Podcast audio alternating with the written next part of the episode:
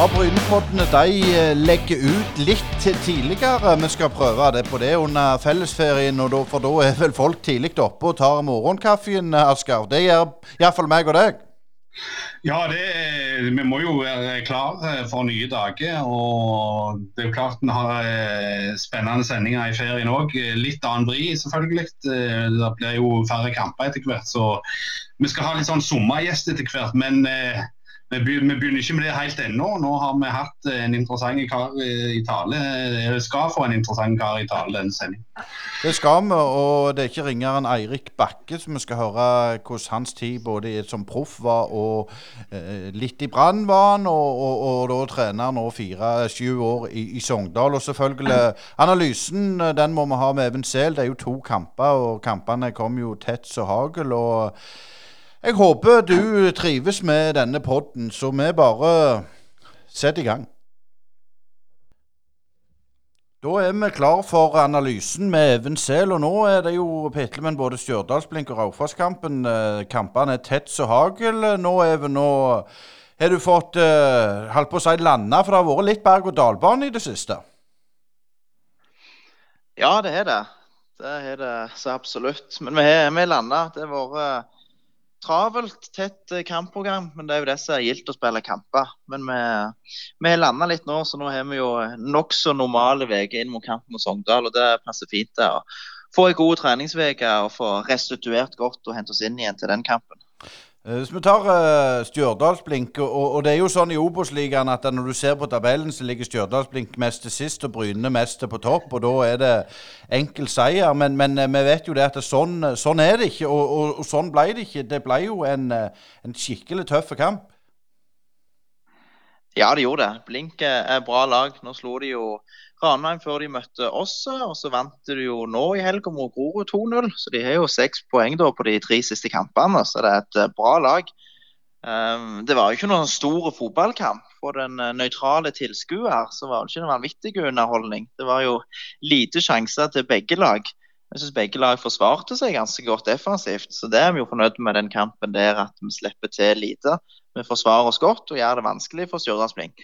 Så skulle vi helt klart ønske vi hadde skapt mer sjøl, da. Litt for upresise, litt uh, hakkete. Vi får ikke helt den rytmen offensivt som vi ønsker å få til. Så det var vi ikke helt fornøyde med, da. Men uh, veldig fornøyde med tre poeng. Det er tre viktige poeng vi fikk i den kampen der. Men, men var dere litt eh, overraska over at de var såpass offensive, gikk så offensivt til verks? Hadde dere forventa at de skulle ligge litt lenger bak? Ja, vi trodde nok det skulle variere litt uh, presshøyden. Så de prøvde jo å, å, stresse oss litt. Og det var nok en av grunnene til vi ikke fikk helt til spillet å sitte. At de var aggressive på oss og ga oss lite tid og rom. Samtidig så skulle jeg ønske at vi var mer uh, presise i pasningsspillet og hadde litt større bevegelse foran uh, ballfører. Men så kan det òg være at det var litt tunge bein. Uh, var jo en kamp mot Start her kampen før som var ganske tøff. Så det kan være at noen ikke var 100% restituerte etter den kampen der. Men når dere er ferdig med Blink-kampen, tre poeng er jo alltid Det er jo det vi ser på til slutt, eh, hvor mange poeng dere har. Men, men altså, dere skal til Raufoss. Eh, litt keitete reise. Kort mellom kampene fredag til mandag. Eh, altså, Hva slags eh, diskusjoner er det du har med Jan Halvor da, for å prøve å få det beste laget? Altså, hvordan tar dere den prosessen når det er så kort mellom kampene? Ja, det er ikke ofte det er så kort tid som du sier, så det gir oss jo litt utfordringer. Så Det første var jo å få restituert godt og få hente oss inn igjen på de to dagene der. Og vi syns at eh, spillerne gjorde det. Så um, det var litt vurderinger på hvilket lag vi skal stille med. Men vi mente til den kampen der mot Raufoss så trengte vi veldig løpskraft, masse energi inn. Og da ble det inn med Rotihaug Jensen og Dabove. Så der det har bra løpskraft, flere av de spillerne der. Så det ble vurderingen mot kampen. Så er det jo mange som har spilt mye. Og det var gjerne greit å få en liten pause, for kampene kommer tett. Det er ikke bare bare å hente seg inn, verken fysisk eller mentalt. Også de spillerne som kom inn, har jo også prestert godt, både på trening og de innhoppene de har hatt. Og det er gode fotballspillere. Så det ble naturlig å gjøre noen endringer til den kampen der. Eh, det er klart Med fasit i hånden så, så ser vi jo at Raufoss er et, et, veldig godt uh, fotballag. og Herman Kleppe han uh, lager jo veldig utrivelig. Sånn i ettertid burde dere gjort noe mer for å stoppe de offensive bidragene der? Ja, helt klart. Eh, det burde vi jo. Men det, vi prøvde så godt vi kunne. Men de var rett og slett for, for gode. Vi visste hva som kom. Vi hadde forberedt oss på det. Vi snakket mye om at eh, de ville sette opp Herman Kleppe på høyresida. Vi skulle gjøre det trangt og vanskelig der og nekte innlegg fra han. Og så visste vi òg at de søkte veldig på bakre stolpe med Endeie. Uh, og Det hadde han veldig fokus på. Allikevel var det jo sånn det andre målet kom. Nå var det ikke en Deie som skårte, men han var i duellen han òg, i lag med Haltvik som skårte. Så vi, vi, visste hva som kom, vi var forberedt på det, men likevel klarte vi ikke stoppe det pga. Raufoss rett og slett var, var, veldig gode. Det er et uh, bra lag. Vi prøvde, men vi fikk det ikke helt til. Vi, altså, sånn ble det når de fikk det første målet. Men vi er fornøyd med mye i den kampen der. og sånn sett. Vi får en grei start. Vi får noen dødballer, får litt trøkk på dem, men vi klarer ikke å skape nok på de dødballene. Har en sjanse vel med Sixten Jensen i første omgang.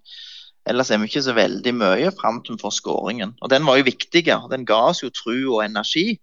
Og vi hadde jo forhåpninger om å, å, få noe mer ut av det enn det vi fikk. Men når de fikk 3-1, da ble det vanskelig. Og Det visste vi òg, at Raufoss er gode på dødball. Men allikevel så fikk de en skåring der. og Det er vel det laget i år synes jeg som har oss best på det med duellkraft og dødballer. Der er Raufoss òg gode, i likhet med oss. og Derfor fikk vi ikke så mye ut av de lange innkastene, f.eks.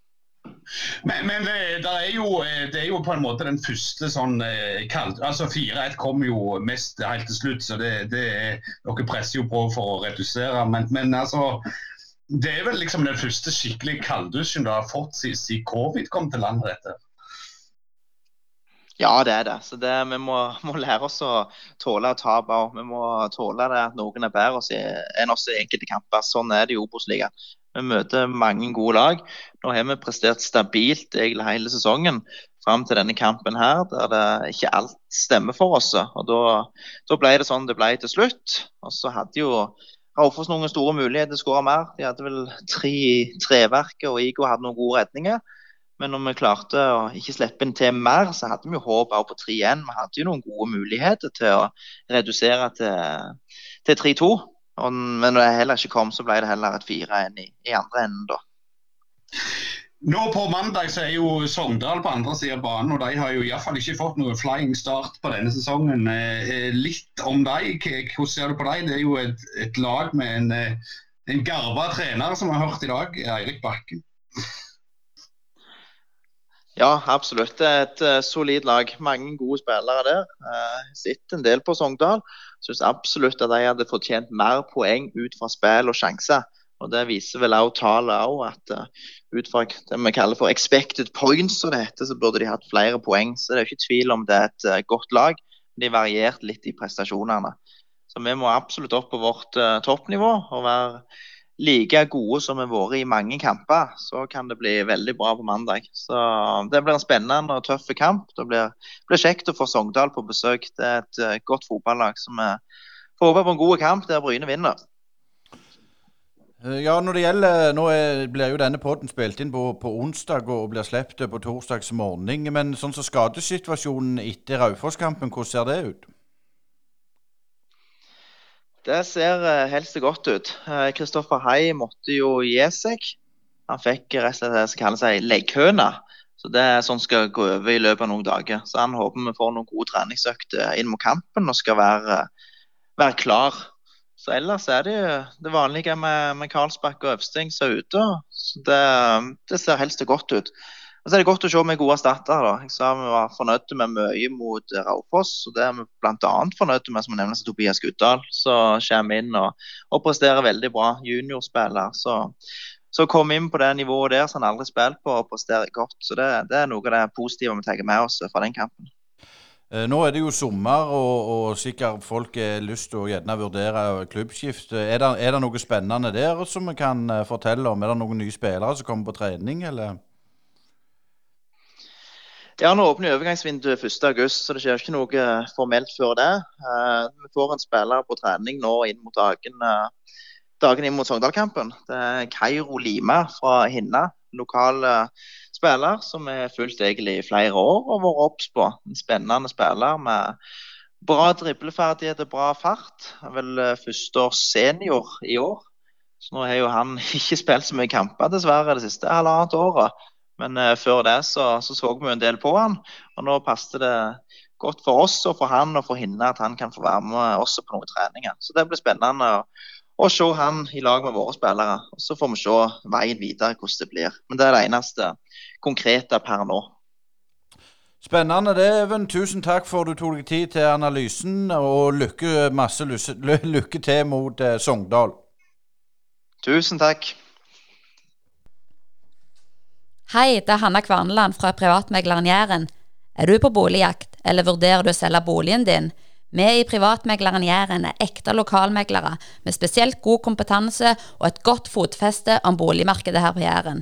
Ta kontakt med oss i Privatmegleren Jæren på telefon 51 48 86 00, eller kom innom oss i Torgard og Tor på Bryne. Privatmegleren Jæren. Alt vi forventer, er at du forventer mer av oss.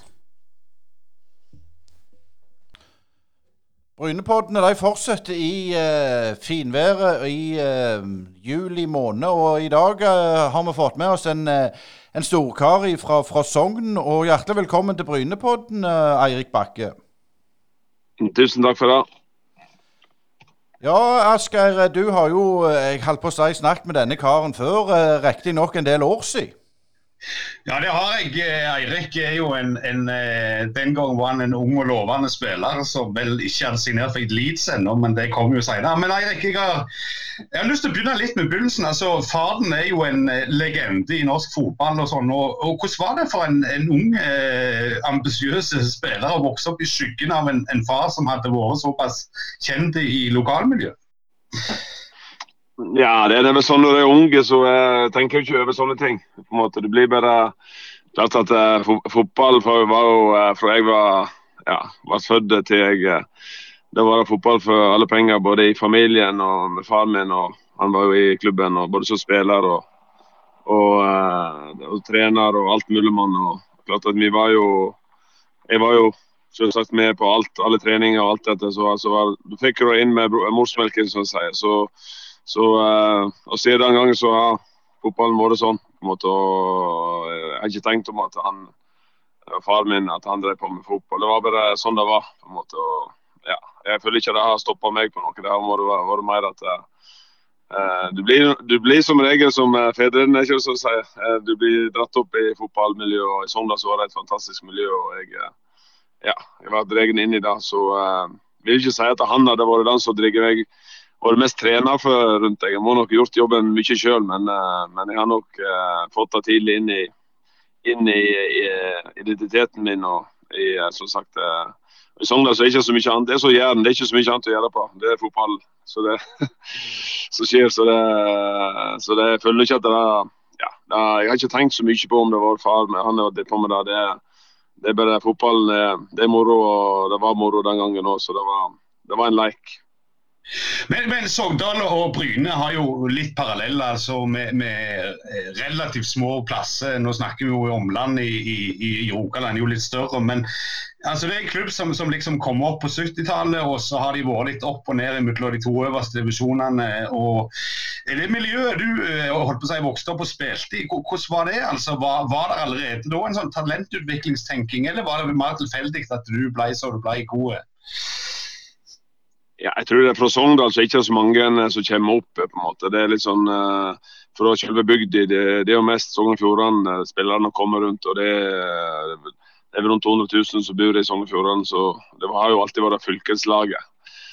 Men så kommer det opp noen nye. Asle Hillestad er jo den største legenden, kanskje utenom kanskje far min og Knut Kristiansen med, med, mange kamper. Så, så Knut Asle er jo fra Sogndal, på en måte. De andre er jo fra området rundt der. så så er jeg og Ole Hjelmhaug, som har jo spilt på Bryne òg, er Sogndølen Terje Kjellestad. Ellers så er det klart at jeg eh, vokser opp måte rundt toppfotballen i Sogndal. Når jeg kom og vokste opp, så var det klart toppfotballen kom fra Sogndal siden det var cupfinalen i 76. Eh, da var det tradisjonslaget i cupfinalen. Siden da så har de klatra og klatra og klatra og vært i toppdivisjonen de siste 40, ja, 40 årene. Mer eller nå. Altså. Det, blir en kultur, det har vært en kultur der som både far min og Rolf Nard har skapt. på en måte. Det er, jo, det er ingen, Rolf for det som har vært litt galne egentlig og sagt at de skal ha et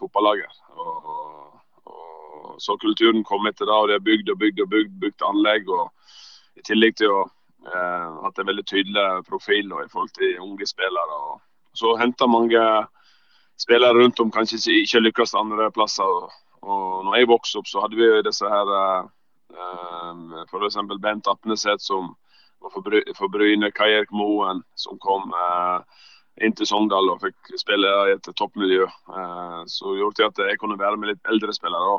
Så eh, blanding og litt etablert og en del unge spillere gjør til at vi kan ha de unge på pleie til å komme opp på. Så, så er det hvorfor jeg kom opp på andre, det vet jeg ikke. Men, men det har sikkert med at jeg spilte mye fotball og så har litt genetisk og litt sånne ting. Men du, måtte, du, du, må ha det inne fra magen på en måte skal du bli toppspiller. Det må kjennes inn i, langt inn i magen at du har lyst til å stå hver dag og trene og ha det moro. For meg så var leiken å gå på uh, Løkka og bare spille fotball. og Det var det som drev meg, egentlig. Det, jeg er usikker om jeg kunne vokse opp i dag med alt det som jeg skal lære nå, både med data og alt mulig. Det var bare å komme seg på banen og ha med seg badel under armen. Det er vel det jeg er mest kjent for. Så, så um, utvikla meg som en annen type spiller etter hvert. Men det var, det var leiken og, og spille fotball og vinne og tape som trigga meg. Men du, du, Eirik, du er jo på en måte eh, en del av den der Nils Johan Sem-generasjonen. Altså, du, du, er ikke gammel nok til å ha vært i liksom, Drillo-tida. Men altså, kan du si litt om, om hva drahjelp dere fikk av den der Drillo-generasjonen når du var på U21 og, og den slags?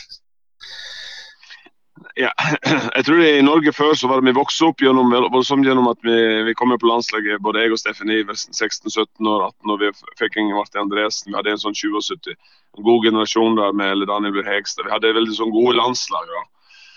Og Vi vokste opp gjennom den 4-5-1, eh, eh, veldig tydelig organisert, som var for drill og tiden. og Gjennomsyra alle landslag. og da, Ut av det så bygde de lag i forhold til typer.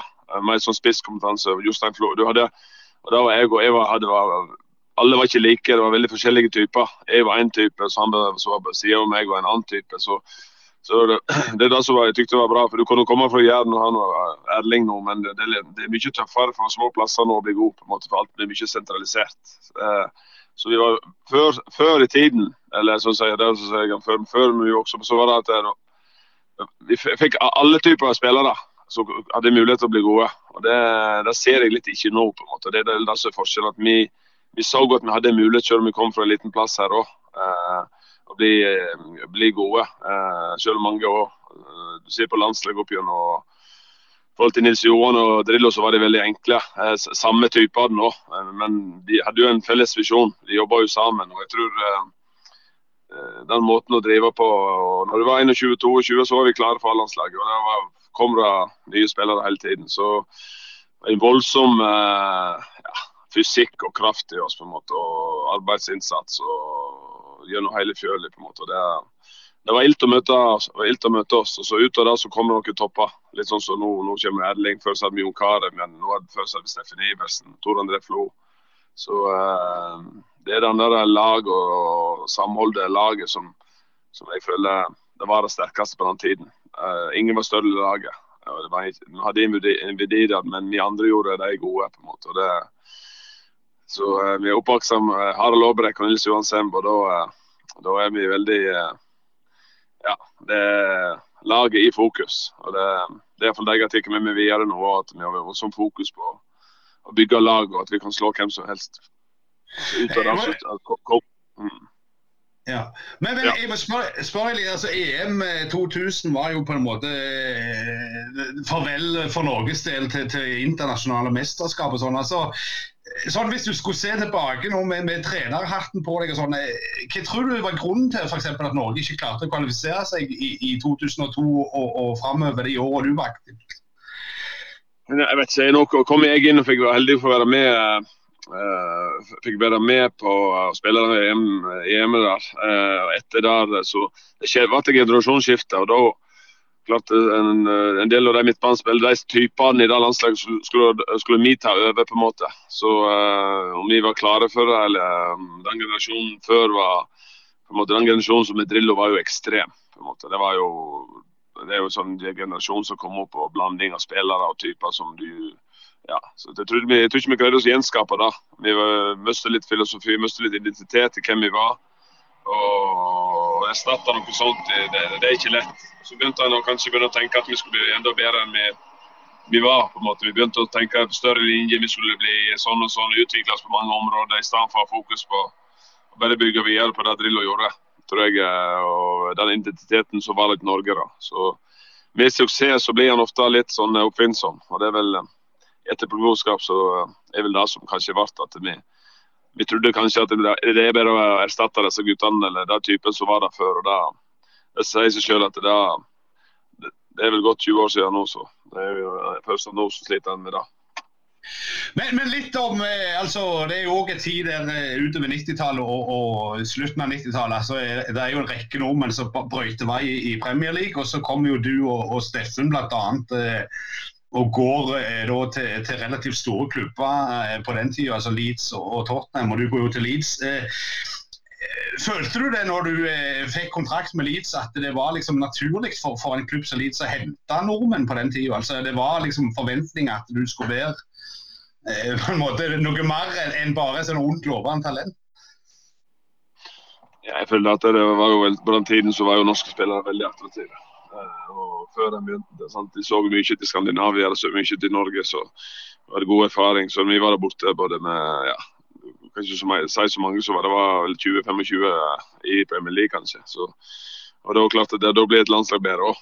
Så, så, det har nok med at vi hadde en gjeng som var vant til å spille mot de beste spillerne i verden. og Veke inn, veke ut. og vi var konkurransedyktig om du var i England eller Tyskland eller du hadde hele fjøla som var eller Rosenborg var i toppen, så, så det er ekstremt viktig. Så, så jeg tror da at uh, det skal ikke undervurderes. på en måte. Vi spilte alle i toppklubber. Og, og som sier uh, Når jeg kom bort der, så var det et voldsomt steg å komme fra førstedivisjon og nummer tolv.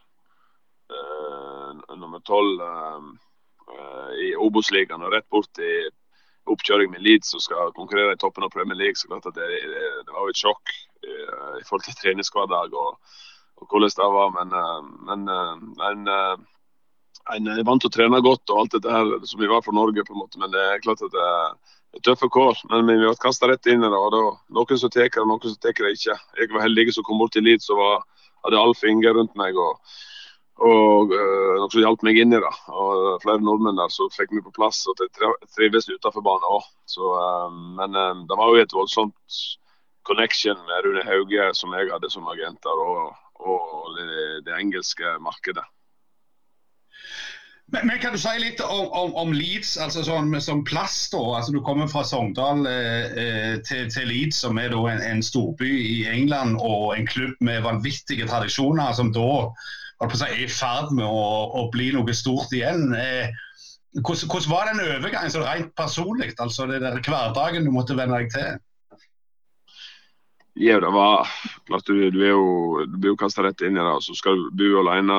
Heldigvis hadde jeg Elling, nei, Alf Inge og Grømmerita rundt der som tok vare på både meg og, og Kari. eller Kona mi flytta bort til meg og bodde med meg et år. Så flytta hun til Norge og studerte i tre år. Så jeg var jo der mye alene de årene. Da, da var det godt å ha de rundt meg.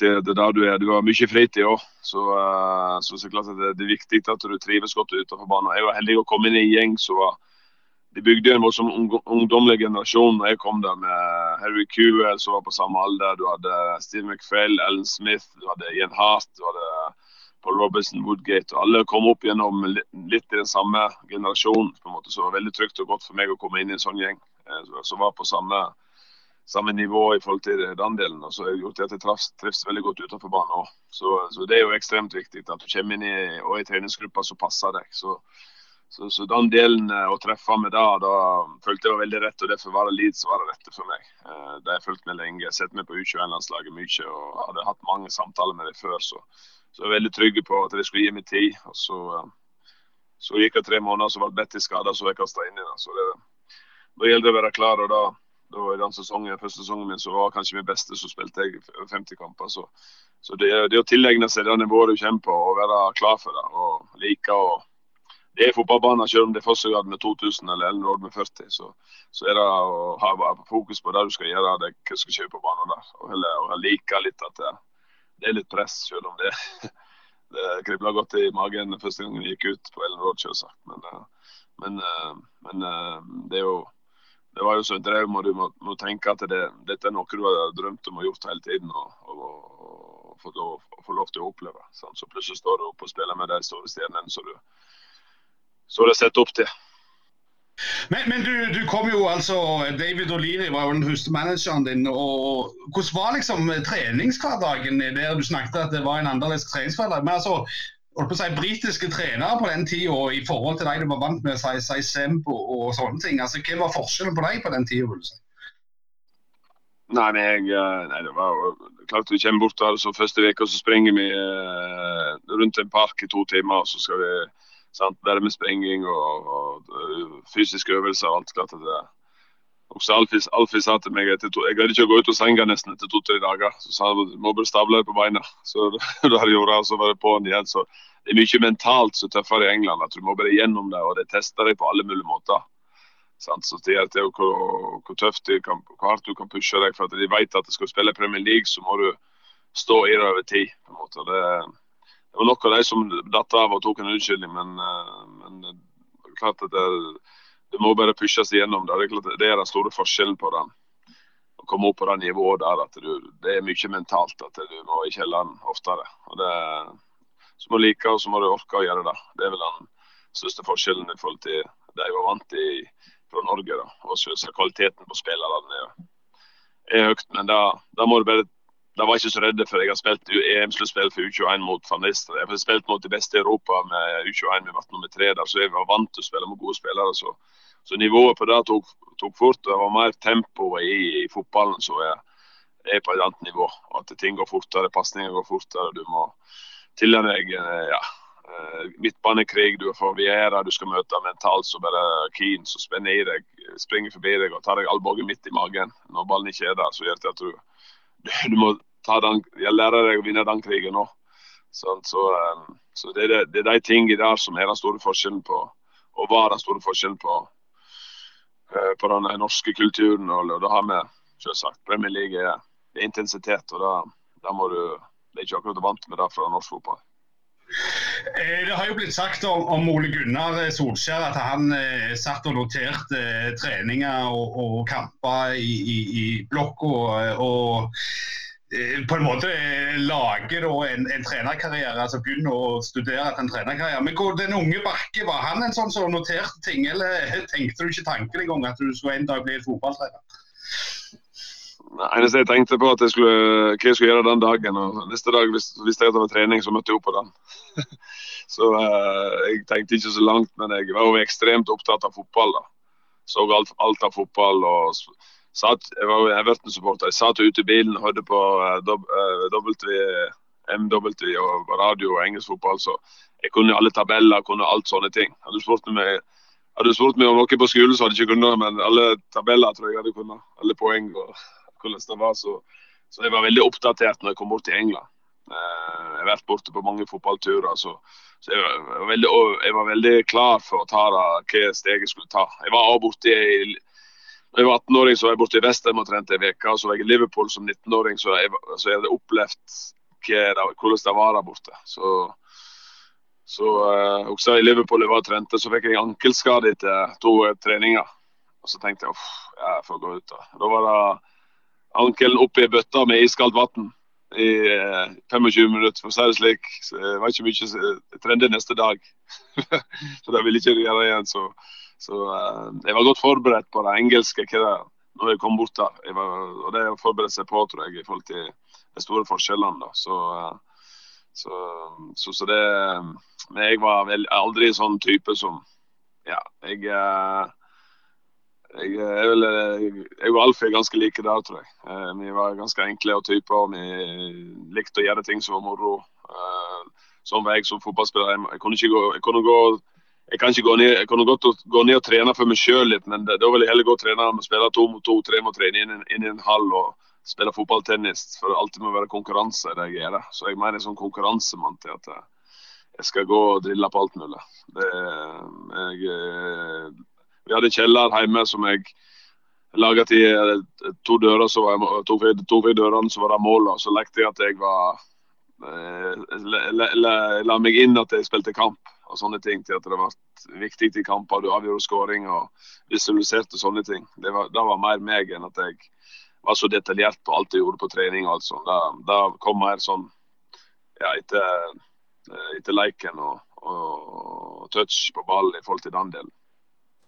Jeg har lyst til å gå litt tilbake til, til barndom og ungdommen igjen, Eirik. For, for, jeg har snakket med en klassekamerat eh, av deg, og du var jo et ekstremt talent, det vet jeg. Men jeg syns det var litt rart du sa dette med, med, med Svein og din far, at, at liksom det ikke Det var ikke noe du tenkte over. Men når var det du fant ut at fillen òg, jeg, jeg, er ganske god til dette? Jeg veit ikke, jeg. Men jeg, jeg husker at uh, som 15-åring så var det en sånn samling uh, blant 60 beste i, i, landet. på en måte. Da, det, da var, så skulle jeg vel bli tatt med til en sånn landsdel. At, og Da ble det ikke tatt ut. Uh, så, da, så, da, tenkte jeg at OK, får, det gikk litt sånn ett for meg. Vi får se neste gang. Så, så, det, måte, jeg, så ble det kommet med på landslaget som 15-åring og 16-åring. Men jeg var alltid sånn type. Jeg tenkte ikke så mye om hvor jeg var hvis guttelaget hadde en kamp, eh, som mor mi har sagt, da, at hvis eh, småguttelaget, førstelaget spilte en kamp, og så spilte jeg den, og så spiller guttekamp neste dag, og så skulle smågutter to ha en kamp, så var jeg med med dem, for de mangla folk. Jeg var mer en som likte å være med overalt og spille fotball. Så det, det er vel den typen jeg er. for til nå så ser jeg at alt skal bare legges til rette for, og du skal være med på et førstelag. Du kan ikke trene sånn så mye jeg hadde ikke sånn. Jeg trente masse fotball og spilte masse fotball og gjorde det for det var moro. og gjorde det mye. Jeg var ikke så dedikert på alt mulig. På det, det, er mer at jeg spilte mye fotball og trente godt. og Så hadde jeg et eh, stort talent som jeg tok vare på. da. Og prioriterte, Kommer du til 15-16 års alder, så må du jo prioritere i forhold til en del andre ting som blir viktig. Så, så, uh, men vi greide jo å kose oss litt utenfor banen òg på den tiden. men, men, det som jeg tenkte litt på, du nevnte det med mye trening og sånn. sånn så Hvis du spør meg, så i dag så kan de jo ikke spille kamp hver fjerde uh, ukedag, for det blir for mye belastning. Hvordan ser du det i dag når du er trener? Er, det blitt en endring det i forhold til det når du spilte? Ja, det tror jeg. Vi hadde ikke så masse planer. Vi, vi spilte kamper når det var mye vi var der treneren sa vi skulle spille, så spilte vi. Og når andre treneren sammen skulle spilte, så spilte vi der også.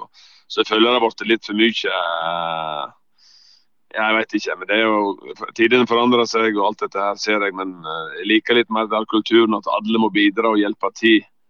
og Der vet jeg de var flinke på Bryne opp gjennom året. Hatt et breddetilbud, eh, ikke, ikke skilt ut for mye. og, og at alle er viktige, på en måte. Så, for da blir det beste gode òg. Så, så, det er jo klart at for den beste må ta vare på de nest beste. Så, så, og da har vi, ser jeg både i Sogndal og alt, gang ut og tar og topper for tidlig i forhold til en del ting.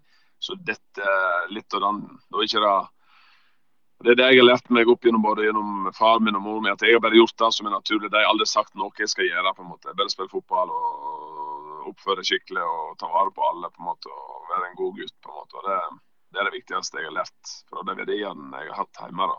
Og tar med meg videre inntil både som spiller og trener at du må gjøre jobben for laget og, og hjelpe hverandre. og, og sånn sett. Så, så, det er vel eh, Jeg tror de tingene der eh, eh, var treneren våre før mer opptatt av enn at du skulle springe der og der og der. Det var mer at eh, du skulle bidra til at laget skulle vinne. Og hva kan ditt bidrag være? Så vi var mer lagspillere før, føler jeg. og det skal ikke si noe om landslag og sånn nå, men jeg føler ikke det er så mange lagspillere der. Folk hva uh, Nå var de kanskje enda bedre spillere, på en måte, men laget var bedre før. Uh, vi var kanskje ikke største stjernene, men, men vi, vi, hadde de òg. Men vi var veldig opptatt av det, nå er det ofte sånn jeg hører at ja, men vinner de, taper en fotballkamp, ja, men jeg, du var jo god. Det, ja, jeg tykte det gikk bra, men for meg så var jeg dritsur uansett om vi tapte. Det er jo jeg hadde den innstillinga at hvis vi taper, så hadde ikke jeg gjort jobben godt nok. Og Det er uansett. og Det er en sånn vinnerinstinkt. og det, det, er det jeg har lært meg mest gjennom, både i England og her. at det, Spesielt i engelsk kulturen at det hjelper ikke hvor god du er hvis ikke laget vinner, for da har ikke gjort en god nok jobb uansett. og Det, det er viktig å ta med seg. Det, for det blir fort en det er mer, Fotball er blitt mer individuelt nå enn det var før. og det det er nok litt av utviklingen som er styrt innenfor Norges Fotballforbund. Der alt skal bli sentrert inn i byene og alt dette her, mens ja, så glemmer man nok på veien. Men eh, jeg orker ikke gå for mer inn på det. Eh, Eirik, jeg, jeg, har lyst til å spørre deg litt om, for du er jo akkurat i den der brytningstida i, i toppfotballen. altså både, både det siste runden i Norge og selvfølgelig Leeds. Men altså, sportsvitenskapen kommer jo mer og mer inn. Blir begynner med dataanalyse og alt sånne ting. Altså, Var det noe du merka mens du var spiller, eller begynte det først å komme etter du hadde trampa ned og, og sitter på andre sida av bordet? Ja, jeg tror, eh, klart Nå har jeg vært 20 år som trener, sant? men uh, i England, når vi spilte fotballkamper med Leeds, så hadde vi analyse. det var Engelske kamper så vi aldri noe på. Når vi møtte Arsenal United eller Burnley, eller Burnley spilte ikke så mye, men disse typer lager. og så så spilte vi vår måte, og så var manageren tydelig på hvem vi skulle. Så når vi spilte europacupkamper, så hadde vi en, hadde vi en åtteåring analysemann som uh, vi slo på å se en video fra den kampen uh, motstanderlaget var. da. Klart På gamle VHS. og da, så Når han setter på videoen, eller når han kom opp der, så hadde jo før manageren kom, så hadde jo gutta uh, tulla med videoen hans. Så, han, så ble det bare tull alt. Vi var veldig opptatt av vår eget spill. Vi var ikke så opptatt av hva motstanderen gjorde. Vi var ikke så opptatt av det. Vi var veldig opptatt av hvem vi skal bli gode på.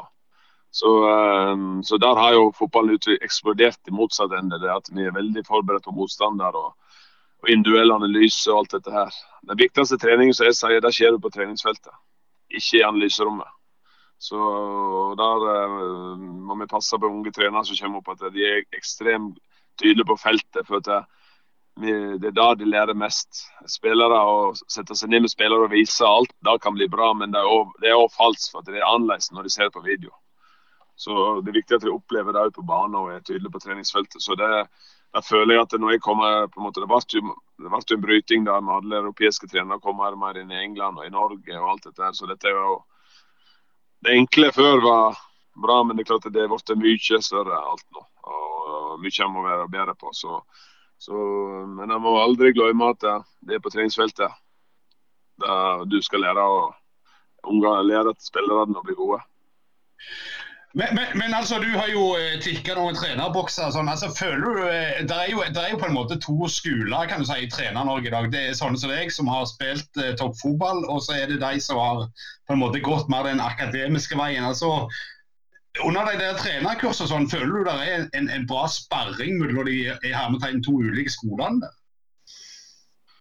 Jeg tror det er Trenerkursene i Norge syns jeg er veldig bra. Eh, det er noe jeg savner. Jeg tok jo trenerkursene alt i løpet av fire-fem år. at Jeg ble kasta inn i det i, i klubben her. Så, men det er nok en god erfaring. og Trenerkursene i Norge er veldig bra. Det er ikke for mye analyse, det er ikke for mye ting. Det er veldig lærerikt og du møter mange. Uh, som er på andre sida av skalaen, som ikke har trent toppfotball og kommer inn på andre måten og har de tankene. Så um, det er jo veldig forskjellig. Uh, nå skal jeg møte en som jeg har spilt med til helg uh, på, på, mandag, med Jan Halvor. Jeg spilte med han nede i 96 i Sogndal. Så, så, han er jo en voldsom trenertype og spillertype som, som, er veldig opptatt av Han har jo et fantastisk uh, i Sogndal og en, uh, kanskje en av de mest meritterte trenerne. Har gjort det bra i Sogndal. Halvor, så, så veldig opptatt av sitt eget og, og bygge det. Så, så, uh, så, så, det gjelder å finne sin egen måte å gjøre ting på, uavhengig av uh, alt skal være. Og være veldig tydelig på sin måte å være spiller og være trener på. Da. Og det mine, min treneropplæring, eller det jeg har kommet gjennom, det er mye gjennom det jeg har vært i Sogndal i forhold til unge spillere og vært oppvoksen sjøl, men òg det har jeg tatt med meg fra de trenerne jeg har hatt i engelsk fotball, og den mentaliteten som er der. Så du må finne din egen vei, og din egen vei blir nok mer og mer Når du får mer og mer erfaring, så, så blir, du bedre, blir du en bedre trener òg. Det, det ser jeg mer og mer at du blir ja, forma på en måte som sier at du, du, finner mer veien din. Og Det, det er å trene og oppleve både opptur og nedturer. Det, det har jeg opplevd i Sogndal. Nett som far min har gjort i 35 år her. så så skjønner jeg mer og mer hva de har vært gjennom nå i klubben her. Eh, men det må du kjenne på sjøl. Eh, litt tilbake til tida i England. Du spiller jo med er jo Liverpool-supportere med, med, andre i poden her. og Det er klart du er med og, og slår Liverpool 4-3 der Viduka skårer fire mål, er i Champions League-semifinalen. Da er du mest sagt høyt på strå? Ja, klart, De, de, to-tre første sesongene mine i Leeds er det beste. Fram til jeg tok og jeg måtte ta korsbåndet og jumpers opererte to knærne mine to år på rad. uh, Kom tilbake uh, fra kneskade, og så hadde jeg preseason, så fikk jeg ny kneskade. Så, Det hemma nok meg i, etter det. Jeg kom aldri tilbake der jeg var. Så De tre første sesongene mine i Leeds er klart mine beste, og da, fikk jeg, da var jo Leeds på topp òg. Så uh, få oppleve å spille mot de beste spillerne og på Liverpool og på alle. på en måte. Men du tenker ikke over når du er der, for da, da er du en av dem. på en måte. Så, så uh, Siste jeg gjorde i Leeds i 2004, eller siste gang vi var i Premier League, var for å skåre mot Liverpool. Så jeg har iallfall gjort det. Så, men, uh, men jeg føler at jeg, jeg fikk ut jeg fikk et bra karriere i Leeds. Jeg var lenge der, men jeg føler ikke at jeg fikk visst nok over lengre perioder. Jeg eh, skulle spilt enda lenger der. og, og det har en, mye med skadene jeg opplevde. på en måte. Jeg føler at jeg kom ikke tilbake der jeg var. Og det, på det tempoet og den eh, steget jeg hadde og, og alt det der, det kom jeg aldri tilbake til. Eh, men det er litt òg det med tanke på De gikk jo litt nedover økonomisk, og det rykte ned og sånn. Men på de åra Du var jo innom Aston Villa på lån òg, men de åra i England, hvordan, hvordan var trenerne? Var det sånn når du var skada, så var du var du bare ei kjegle, eller tok de vare på det? Hvordan opplevde de forskjellige managerne? Nei, men Treneren, fysioen, alt var jo stort sett det samme. De pusha, og jeg har jo det året vi rykka ned, så skulle jeg jo komme tilbake fra kneskade. Jeg skulle aldri ha spilt så mye. Så fikk jeg en lårskade, så tok jeg sprøyte i låret bare før, United-kamp borte, for vi skulle kjempe om å overleve. Jeg fikk en strekk der, spilte hele den kampen. og så i 2004. og Så spiller vi bort mot Blackburn, skulle avklare en ball, så røk hele uh, muskelen. Sant? Så jeg har opplevd han sier at uh, du blir pusha til noe, men det er mer for at du som spiller vil jo aldri stå ved en kamp. Men uh, managere pusher deg til det, men du må si ifra sjøl. Men uh, det er ikke lett når du vil hjelpe laget og, og har stått på utsida, så gjør du alt for å få spille. Så så jeg har nå fått noen varige men der i lår og alt i forhold til eh, å pushe meg for mye. Men uh, opplegget når det var skade i England, da var det inne fra ni til fem hver dag. Så det er jo da som er veldig bra i forhold til oppfølging etter skade og pushe deg og trene godt når du er skada. Det, det er et utrolig profesjonelt miljø, så du ble veldig godt tatt vare på når du var skada. Men når, når jeg var skada òg, så kjeda jeg meg, og da ble det plutselig litt for mye. Kanskje jeg alene, for mye på byen og alle sånne ting. Så du kommer inn i sånn ulage der du, du har mye fritid du har alt, og du får ikke spilt kamper. Så det kom inn i sånn par år der, der du ikke skulle ha vært. og det, det er baksida av å være i en så stor klubb, og når du ikke får være med og bidra, da ja, da får du ikke den spenningen som, som, du får når du spiller kamper. Da, da må du utløse det på andre måter. og Jeg du er mye alene, så blir det til at du ja, du får tiden til å gå på andre måter. Det, det skulle jeg gått tilbake igjen og gjort, så hadde jeg nok vært enda mer profesjonell i de periodene uh, da jeg var skada. Men, men, kan du si litt om, om de, de, ulike trenerne, altså hva, hva, du lærte? Altså, du hadde jo Terry Venables, du hadde jo Peter Reed, du nevnte du holdt med Tott Everton i, i, i ungdommen eller barndommen. Og, O'Leary eh, som alle, altså Venables spesielt, har jo trent en skokk med, med, store klubber. Eh, og England eh, var det noe du lærte av de som du har tatt med deg, eller utenom det der fighting spirit-opplegget? Eller, eller, eller, er det stort sett ting du har utvikla sjøl eh, i, i karrieren, i trenerkarrieren?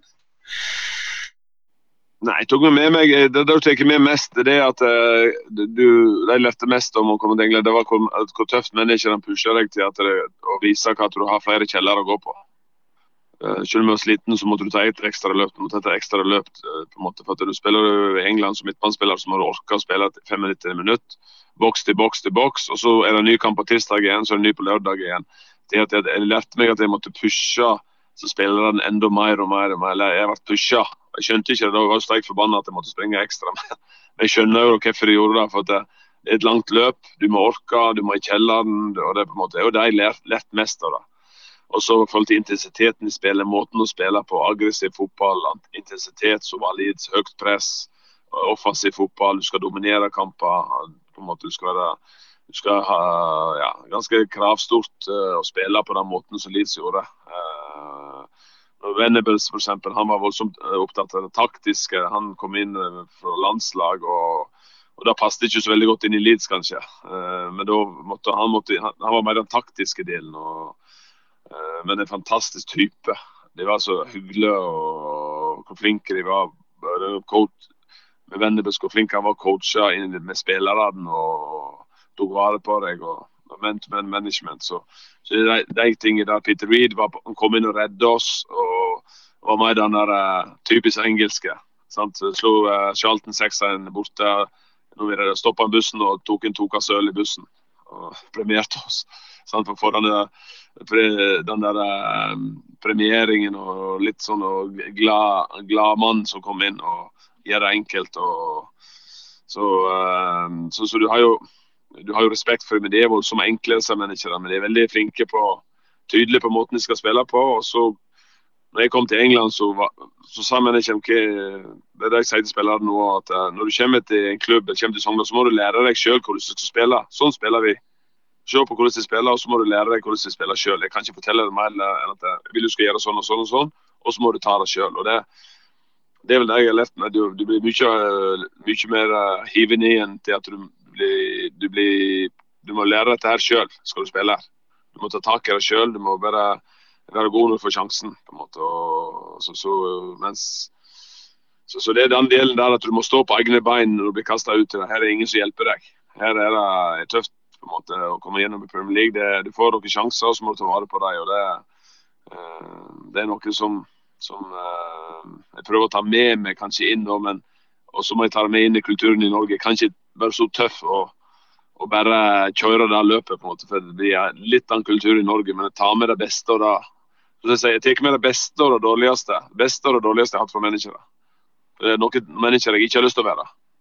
Så Uten å nevne navn. Så uh, Både i Norge og England som jeg har hatt. Så, så jeg at for det Spillergruppa er det viktigste du skal ta vare på. Det, det skjønte jeg òg i England. at det, det du, må, uh, du må være en del av gutta, og så må du faktisk stå på egne bein. Og ta ansvar og ta plassen, på en måte. For det, hvis ikke du spiller godt, så er du ute av laget. Så enkelt. Men, men det, det, virker jo litt sånn. altså Den der eh, klassiske engelske er jo liksom vi holder linja til, til sistemann, og, og alle springer til de stuper. Det har vi jo sett på Englands landslag. Nå er det jo EM-semifinale eh, i, i, dag når vi, vi, snakker med deg. og eh, hvis du har sett engelske landslag nå under Southgate f.eks., ser du at det er en slags endring der? At engelskmennene har blitt litt smartere når det gjelder å tenke og proporsjonere ting, og ikke bare springe og springe og springe? Nei, men det er klart at vi springer jo når, når, Hvis du ser på det å ha en, eh, det er klart at det, det, Springing er én ting, på en måte, du skal ha du skal ha en offensiv fotball. der du skal vi hadde jo sånn i Leeds at, at vi skulle med en gang vi framoverretta fotball. Med en gang vi fikk ballen, så skulle vi gi den til Harry Cool eller til meg, Smith, til, til Mark Verduka, og så skulle vi springe etter. Skulle kjøre angrep. Og, og Steg fram. og Hvis ikke, så spiller vi tilbake. Så vi jobba ekstremt mye med ball òg. Ekstremt, sant. Men, men det er den der eh, det, det, det, er nok med at Du skal ha ditt eget spill, og så skal du ha da identiteten i bunnen. Og det er som de unge spillere nå i England, med akademi som kommer og alt dette her, og med utenlandske trenere de siste 20 årene, så ser du at de engelske spillerne blir bedre òg. Det er jo klart, det er, da, det er jo de utenlandske trenerne som utvikler England, eh, engelsk fotball eh, til å bli enda mer profesjonell. Enda mer enn fra var der. og alle De, får nye trenere og, og den eh, taktiske delen inn. Så nå er det en god blanding av engelske unge spillere her så lover jeg at de er veldig enkle. Jack Grealish altså, de er veldig enkle gutter. for Det, ja, det er helt på lik linje sånn som det var før. og Det er det beste med dem. Taper de 5-0 på en lørdag, så er, det, så er plutselig banens beste på tirsdag og vinner 5-0. De er så tøffe mentalt til å snu et tap til de skal vinne. på en måte. Det, det er den mentaliteten de er vant med. Og se på engelske landslaget nå også har de blanda den der Det er mange Manchester City-spillere som Guardiola, du har Klopp, de har forskjellige trenere som og Da blir det lettere for hovedtreneren òg. De, de, er veldig gode taktisk blitt. og Før så var det mye enklere. Så, så jeg tror det er mye taktisk en del av at de spiller, de kan forandre formasjoner. de kan gjøre ting på en annen måte nå. og Da føler jeg Southgate bedre nytte av med alle de gode trenerne som de trenerne har i, i Premier League. Da. Så jeg tror at uh, han nå får en enklere oppgave. Vi må over til, til din, eh, din, spillerkarriere litt igjen. For, for, du går jo etter Leeds der, så går du til, til Brann. Um, hvordan var i grunnen den overgangen i forhold til det, til det Norge du forlot, hadde jeg mest sagt? Uh, hadde, det som skjedde da, var at jeg hadde ett år igjen i Leeds, og så var jeg hjemme på 31. august. Og så var overgangsvinduet stengt 1.9. Så fikk jeg fikk jeg beskjed under Hauga at jeg måtte komme meg til Bergen. For De var interessert i å løse meg ut fra kontrakten og skulle vinne seriegull og alt. Så. Og Kona var til Leeds, så jeg måtte bestemme meg med far min og svigerfar min på veien over til, til, til Bergen om vi skulle reise. Så eh, det ble jo voldsomt sånn tilfeldig, da.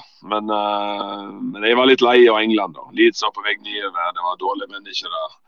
Det var championship-spillere jeg hadde. da. Det var, det var stor forandring. Så visste jeg framtiden. Og Ken Bates ville ha meg ut. Så, så, jeg visste at jeg måtte ta et steg vekk fra Jeg hadde tilbud for Sunderland og Blackburn og flere, men jeg, jeg vært i Villa. Jeg ville ikke være der lenger. Så jeg visste at jeg ville ha et miljøskifte. Jeg hadde en gutt som gikk i barnehagen, så var jeg ute for liten flekk, og mange ganger vind, vind så var det inne. Så det var litt sånn litt den norske kulturen jeg ville ha. Jeg, jeg savna Norge. Så, eh, og Brann har ikke vunnet seriegull på 40 år, så, så det trigga meg. og Brann og Sogndal var i Obos-ligaen. Så jeg, selv om kona ville være i England, så tok jeg en bestemmelse. Nei, dette ville jeg. og så Det angrer jeg ikke på i dag. eller Fikk oppleve det jeg gjorde i Bergen og fikk være med på det jeg gjorde da. det for Da var toppen min nådd i England. og så er jeg glad jeg ikke bare fortsatte å spille i England på, på lavere divisjoner. på en måte, Eller på dårligere lag enn det var. For, da var karrieren min var på vei nedover. Ja, du får, du får overta du, Asker. Når de sier at championship er en dårlig liga, så, så er det vel best å ta deg, Asker.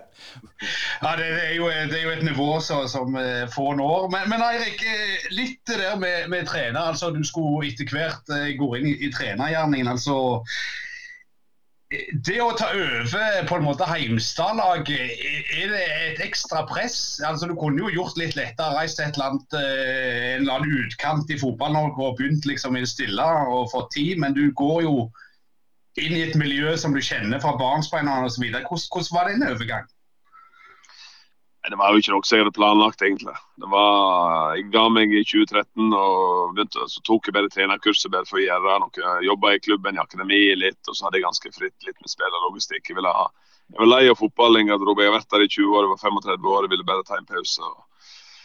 Og så uh, det har løyet mer. Jeg har vært i fotballgarderoben hele tiden gjennom hele min karriere. Så gikk det uh, dårlig med Sogndal, de rykka ned. Og så egentlig far min som sa at uh, nå får du er nødt til å ta over nå for kulturen tilbake.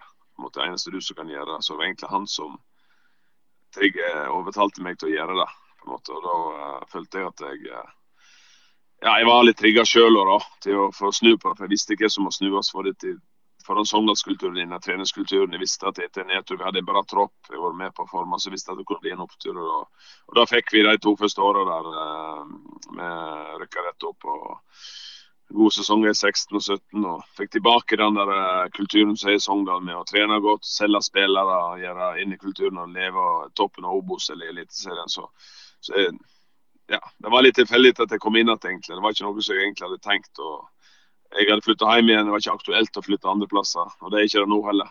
For å det sånn, jeg, jeg har gått i Sogndal, jeg trives godt. Jeg har fire unger og jeg har vært ute i tolv år, så jeg trigger ikke med noe for å reise noen andre plasser nå. Nå uh, skal jeg være her, og så uh, Ja. Så, så, det var egentlig derfor jeg kom inn igjen, og være en del av fotballgarderoben. Så jeg har vært Det er nå 20. sesongen min, så, så får vi se.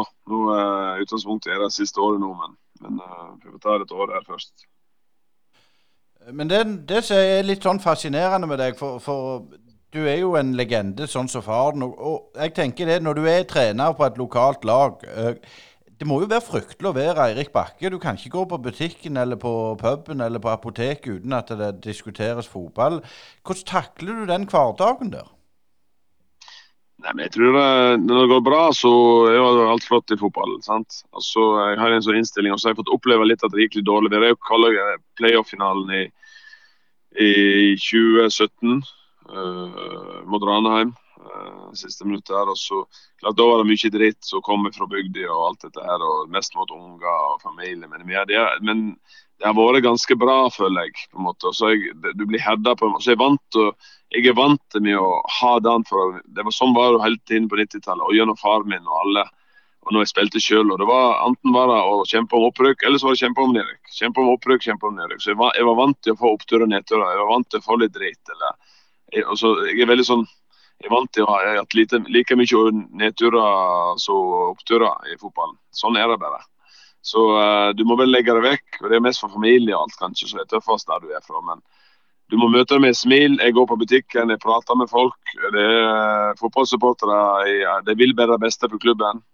Uh, om det er jeg eller noen andre som er trener, det er sånn jeg må tenke. og så, så er det følelser. Når jeg er på stadion, så må de tåle å kjefte på meg, selv om jeg er uenig med dem av og til. Så er det, det har jeg lov til. Det er derfor jeg er der. og for følelsene. Og så, så skal jeg si en ting. I løpet av mine 20 år i fotball så er det ingen i Sogndal som satt noe negativt til meg om jeg har gått dårlig eller bra. så jeg vet ikke om de ikke tårer eller hva de gjør, men det, det, er mer på sosiale medier, og det er jeg ikke på. Så, eh, så jeg prøver å holde under meg de markedene så jeg vet, eh, jeg vet hva de sier, så jeg gidder ikke å høre det. Så det, det får bare diskutere der eh, min posisjon og, og at ting går dårlig og sånn. Det, det, er helt vanlig at jeg, jeg, må, jeg, må, tenke at jeg er hovedtrener, og, det, og da er det en del å pakke og at jeg, jeg får kritikk når det går dårlig. for det det er sånn det er å være fotball, om det er Sogndal eller i Brann eller Bryne, så, så, er det sånn det skal være. Selv om selvsagt andre, det er ikke alle som er, burde få sagt en del ting, men det, det er mer de som ser dumme ut hvis de går ut. på en måte. Jeg må bare ha fokus og være tydelig på det jeg gjør, og håpe at det går bra i stedet for dårlig. Men, men litt eh, om du nevnte at du måtte inn og, endre litt på, på treningskultur og, og, og, kultur. altså eh, men en ting skal jo Sogndal ha. dere Anlegget deres er jo eh, Forshaugane er jo vanvittig bra. Dere gjorde noen grep der som, som har vært veldig smarte med, med å integrere høgskolen og sånn. Men altså, når du skulle inn og begynne å endre den gruppa eller det miljøet som var der altså Jeg vet jo Terje Skjeldestad har jo vært med deg og, og sånne ting. Men altså, hva var det du måtte gjøre? Du lærer jo på en måte on the job. altså Hva var det du lærte sjøl, og hva, var det du, hva slags grep tok du for å endre på kulturen? Uh, nei, jeg tok uh, det, det, var jo Jonas Olsson har vært der før meg. Han, ikke, han, har en, han, har fått inn masse profesjonalitet. Han kom med sine ideer fra Sverige og han la inn en god, men han, han, han fikk en dårlig spillergruppe. Det var mer en dårlig spillergruppe med dårlige holdninger på slutten. Han måtte selge en del spillere. Så det var mer at jeg måtte røske opp i den spillergruppa og få inn spillere som tar med de som vi ville ha med, og så røske ut de, de daukjøttene som var bare opptatt av seg sjøl, for å si det på rett ut. Så, så, det var litt den delen, og så trena godt. og Fikk med en skotsk trener i tre måneder før han fant ut at han ville hjem igjen etter at han tok når Han satt ned i leilighet i Sogndal og, og, skulle vaske klær, så heiv han inn i oppvaskmaskinen. Da fant han ut at han måtte hjem til kona. Så, så, det, så, det, var litt av forhåndskulturen din. Jeg fikk han med meg i tre måneder. Og fikk inn en god treningskultur. Trena mye, tok med meg det som gjorde. og Så slepte jeg han på rett tidspunkt eh, tilbake til, til, England. Og så fikk vi en god mentalitet tilbake i gruppa her. Og litt Sogndal og dødballer og trøkk. og rykket opp med ti poeng på Brann, tror jeg. Så, så, vi fikk inn en ekstra sånn, ja, en litt sånn uh, uh, offensivitet da, som ikke har vært på en. Litt sånn som Halvor har kommet inn med Sogndal.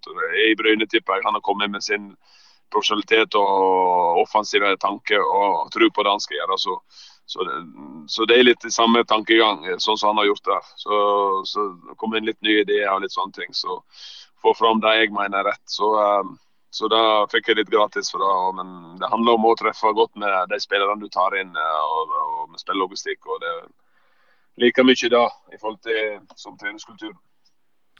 Du har vel Håvard Flo òg med. Det er alltid en Flo i Sogndal. Men, men, det er litt tilbake til det, den der standing eh, Hvis jeg er litt negativ eh, Det er klart du har prestert sånn ikke sånn kjempetopp i år og ikke kjempetopp i fjor. Eh, hvis du hadde vært en utenforstående, hadde du fått mer kritikk, og hadde det vært forventa at uh, hodet skulle rulle?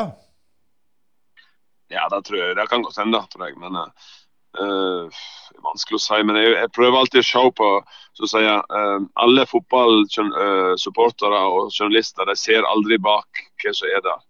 Alle de utfordringene vi, vi har hatt i år, som, som ikke, vi har ikke stabla sammen et lag, samme laget i to kamper på rad.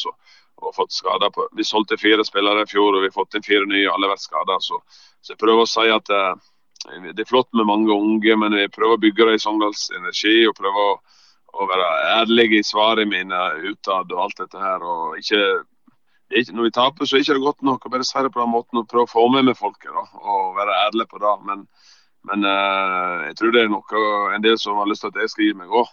Men, uh, men jeg har nok det er nå kanskje litt med forhold til det er kanskje med litt historien min og både med far min og alt, at folk tar kanskje litt mer vare på meg enn de andre. Men uh, jeg håper at, uh, håper at uh, de dømmer meg for den jeg er, og at jeg, de har tro på at jeg skal være trener eller jeg som skal løse dette her. Eh, sånn som i fjor også. er det klart at eh, Vi kom i playoff-finalen og vi var, ett minutt før rykk opp. så Da er vi der vi skal være i Sogndal. At vi kjemper til siste slutt og være med å kjempe, og så er det små marginer. Vi har vært i playoff hvert år, og vi selger spillere for ja, 5-10 millioner hvert år. Så vi føler masse av de tingene som er der. Vi får opp mange unge spillere. så det er like viktig da som bare å være i Eliteserien. Vi må prøve å følge de strategiene som vi har lagt i forhold til klubben. og og, alt dette her, så har vi alltid, alltid lyst til Eliteserien. Men det kommer når det skjer. Så, så er nok, eh, som du sier, at eh, kan hende det er litt mer eh, vi må begynne å vinne snart, for ellers så er det ferdig. Det er helt sikkert. Men, men du har jo, dere har jo hatt en fryktelig skadesituasjon, og, og du måtte til, til Rogaland og hente en forsterkning i, i Tord Salte. og Hvordan har han glidd inn i gruppa, syns du? Ja, Tord er en, en ung spiller med mye kamper i beina. En spiller som, uh, som, jeg alltid har likt, og nå passer det egentlig bra. En spiller som ikke har slått helt i Viking. Uh, han er en Bryne-gutt med gode verdier. Så, så jeg er veldig opptatt av hvor de kommer fra, forhold til typer vi skal ha inn i gruppa. Og, og han har, ja, fra, det er viktig for meg å hente spillere så vi vet hvor de kommer fra og hva, hva vei de har gått. Han har måttet jobbe hardt for å nå alltid vært et, vært et stort talent vært kaptein på U21-mesterskap og alle. og det er sånne typer vi ser etter om vi kan løfte opp til det neste nivået og, og gi dem masse spiltid, gi dem trygghet. og, så, eh, så Tord eh, har vært bra. Uh, Jobba godt på og bli kasta rett inn i det. Så, så, jeg forventer at han er BB på mandag på Bryne. Det, sånn det skal være. Før vi, vi, vi, gir deg snart fri her, Eirik. Men, men altså Eh, jeg, jeg, lurer litt på det der med, med Sogndal som klubb. altså For oss eh, som ikke følger klubben eh, hver dag, men, men kikker litt på tabellene. altså du, du, nevner jo det, dere ligger jo alltid i grenseland med, med, å være liksom, i nedre halvdel av tippe eller øvre halvdel av Obos. Altså, der, den der spagaten der, er, er, er, det på en måte en vanskelig ting å, å tenke på, eller har klubben noen mål om å, å si, etablere seg og, og bli liksom tryggere i tippeligaen på sikt? Det, er klart, det viktigste for alle klubber når skal rykke opp, er at han er klar til å rykke opp. og så Når han rykker opp, så rykker han opp. og Da må en gjøre alt han kan for å klamre seg der. Uh, klart, store problemet til oss i Sogndal og Bryne og alle disse klubbene det er at eh, når jeg henter spillere som unge, talentfulle spillere, så, så gjelder det at jeg må slippe dem på vis. Jeg må love dem at når en større klubb kommer, så må de få lov til å gå. Sant? Det er litt sånn å finne rette tidspunkt for det. og det er klart at Hvis ikke vi rykker opp, da, så må jeg slippe sånn som Ogbu slapp til Lillestrøm nå. Da visste jeg at hvis ikke vi rykker opp, så ryker han. Så klart, Det er det som er tungst med sånne klubber. det at Vi må bygge lag hele tiden. Jeg får ikke kontinuitet lenge nok til å ha det samme laget i to eller tre år. Spesielt med oss da, uh, i Sogndal. Så Det er vel det største problemet jeg har hatt. at det, Vi henter mange talentfulle spillere som mange klubber vil ha, og så må jeg gi, gi slipp på dem altfor tidlig.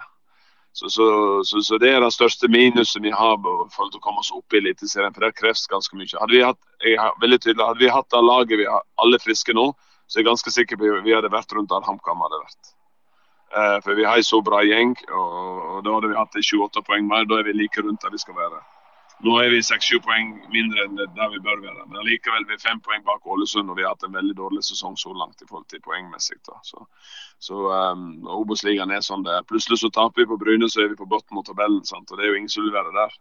Så det, det, det er kort vei ned og opp. Også. Det er viktig at en ja, Jeg føler jeg har vært gjennom dette her så mange ganger. Så det, at vi må bare Å være i toppen av Obos, det er ikke bare bare, men, men og i bunnen av Eliteserien. Nå er det tre år siden vi har vært der, så, så um, og vi har vært nære, ekstremt nære to ganger. Så, så det er bare å ha fokus og så gjøre en god jobb og fokus på prestasjon og fokus på å utvikle laget, så kommer resultatet i år. Men uh, det som er alt, når du taper, så forandrer ting seg. Da blir uh, spillerne selvtillit, omgivelsene blir kravstore og alt dette. For det, det som alle ser på tabellen.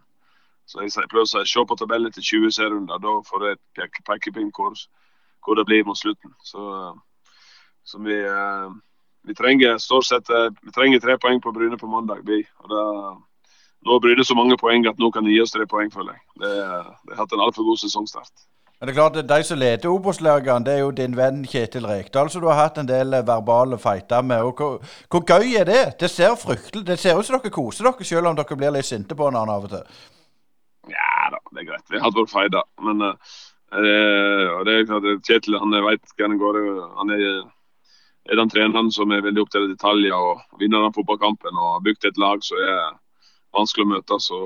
Uh, så uh, han vet hva han går inn i. Han har fått, så har han fått bygd et lag så klart, Får du samme spillerne og spiller uke inn uke ut, litt sånn som Bryne har fått gjort nå, så blir relasjonene bedre. Og Da har han vært heldige med og dyktige til å få et lag over lang tid til å ikke, ja, ikke få skader, ikke få ting. på en måte, og, og, få et lag som skal fungere sammen. på en måte. Og det, det gjorde Jan Halvor her i to år, og, i Eliteserien har de aldri vært så gode. Så klart at jeg vet at det har han fått til der nå. Så det, det er moro å se Bryne tilbake. Det er, som jeg sa før sesongen, det beste med å ikke rykke opp, det er at vi skal til Bryne neste år. For det, det er en, en, fantastisk klubb, og vi har gode relasjoner med både spillere og trenere. Gabriel Høyland har jeg har god kontakt med, så Alfie og, og alle som er der. Så, uh, så vi får være venner før kamp, men, men poenget det skal jeg gjøre alt vi kan for å få med hjem til.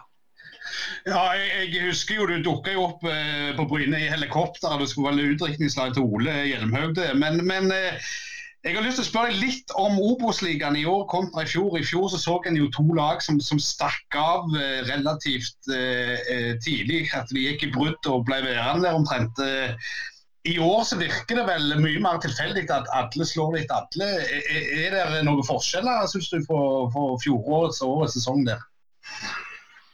Ja, før fjor så var det vel mye Tromsø som rykte litt ifra oss, og Lillestrøm kom litt bakifra. Så, det tre-fire lag Da. Nå er det jo ti-tolv lag som kjemper om det samme, så det er jo en ekstremt spesiell sesong. Jeg visste det kom til å bli før sesongen. Jeg så på spillelogistikken rundt omkring at dette her blir den mest jevne sesongen som er. Nå har HamKam overraska og stukket fra litt, men Start sliter, Ålesund har slitt, Mia sliter, Ranheim sliter, Bryne har overraska. Eh, mange andre lag også. Så, men det er som jeg sier, alltid lurt å ha poeng på bok. og Det har ikke vi så mye av, så vi, vi, må jage litt nå. og Det er aldri bra, men jeg liker litt av at vi kan ligge litt bakpå nå og slå litt nedfra opp og komme litt bakifra. Det tror jeg vil passe oss godt. Men, uh, så, uh, så, i år òg, Bryne har mulighet til å rykke opp. Um, komme i playoff, da kan alt skje. Så alt er mulig i år for alle lag. Det er klart Tida går i godt lag, men, men jeg må jo kjefte litt på deg. Og da kan jeg òg kjefte litt på, på, på, din far Svein. For han har jo ikke gjort alt like riktig. For jeg forsto at han var den første som signerte Ole Hjelmhaug på Sogndal, så stemmer det? Han signerte At han signerte han, ja? Ja. Før meg? Stemmer det? Jeg tror faktisk det. Stemmer det? Det, ja, det, jeg, jeg, ja, jeg gjorde det. altså Det, det trigga meg litt. Han er ett år eldre. men uh, det, Ole debuterte året før meg. Men det, det var en motivasjon. Jeg var kompis med Ole. så Motivasjon på at jeg òg skulle opp. så uh, Men uh, jeg har nå hatt mine feider både med også med faren min og når jeg skulle, skrive, jeg skulle skrive ny kontrakt. Da var det Trond Fylling som skulle skrive med meg. Men så kom jeg tilbake hjemme da jeg nekta å skrive under for jeg skulle ha mer i lønn. Så for å si det slik, det var var ikke god stemning rundt middagsbordet, og den kontrakten var signert fort. Så, det, så uh, vi har lært opp gjennom åra hva vi skal gjøre. og på Den verdien kommer nå mye fra faren min og hvordan det er levd. Men, uh, men uh, nå er det nyere tider. Nå er det den, den, gjengen, både jeg og Terje og alle som har tatt klubben videre. Og, så får vi se. Far, far min var i klubben i 35 år, og jeg har vært der i 20 år nå som trener. Jeg, jeg tror ikke jeg holder ut så lenge, så det har jeg gjort. Det, det er all ære til. Eh, helt til slutt, Eirik. Hvilken kamp tror du vi kan forvente oss til helga? Nei, Jeg håper to offensive lag uh, spiller god fotball. Føler jeg en, uh, en kamp der det daler fram og, fram og tilbake. Uh, masse sjanser til Sogndal, lite sjanser til Bryne. Og mange mål til Sogndal. Det håper jeg. det var i grunnen ganske enkelt og greit, det. Men uh, masse lykke til, Eirik Bakke. Tusen hjertelig takk for du var sporty og stilte opp i Brynepoddene. Det er bare hyggelig. Hei, det er Hanna Kvarneland fra Privatmegleren Jæren. Er du på boligjakt, eller vurderer du å selge boligen din? Vi i Privatmegleren Jæren er ekte lokalmeglere med spesielt god kompetanse og et godt fotfeste om boligmarkedet her på Jæren. Ta kontakt med oss i Privatmegleren Jæren på telefon 51 48 86 00, eller kom innom oss i Torgata 2 på Bryne. Privatmegleren Jæren. Alt vi forventer, er at du forventer mer av oss. Brynepoddene de fortsetter, og vi må bare gjenta det at vi skal spille inn eh, like mange sendinger i hele sommer, men vi kommer til å slippe de på torsdags morgen nå i eh, juli måned. Og det kan bli interessant, for det er viktig å ha opplagde og friske nyheter. Det skal vi gi deg eh, i løpet av sommeren. Så må vi òg eh, si det at Bryne de spiller jo selvfølgelig mot Sogndal snart. Og det var interessant å høre Eirik Bakke fortelle, Asker. Ja, ja det, er, det, er interessant å høre med folk som har hatt en, en såpass stor karriere, selv om man eh, da ble eh, så han sa selv skadene kom eh, etter hvert, og han fikk jo Han kunne jo vært holdt på å si, enda større hvis han hadde gått skadefri, men det er vel livet i toppfotballen at får du en skummel skade, så er veien tilbake ganske lang. Det er hardt og brutalt og tøft. Og, eh, men han delte mye med oss, det var interessant. det. Eh, han skal ha det, en hel time med Eirik Bakke. Ikke så mange som har. Og even han stiller opp villig vekk, og er, det er vi veldig takknemlige for. Og så mm, neste torsdag, da har vi vel òg en, en, litt uh, gøyal gjest, har vi ikke det? Jo, da skal vi jo tilbake til, til, England. Vi kan ikke si noe mer enn det foreløpig. Men, men, vi skal nå snakke med, med noen som har eh, forbindelser inn mot eh, Premier League, kan vi vel røpe. Vi kan røpe det, men eh, da gir vi oss for denne gang. Tusen hjertelig takk for du fulgte oss. Og husk oss, er torsdags morgen neste uke til nye Brynepod.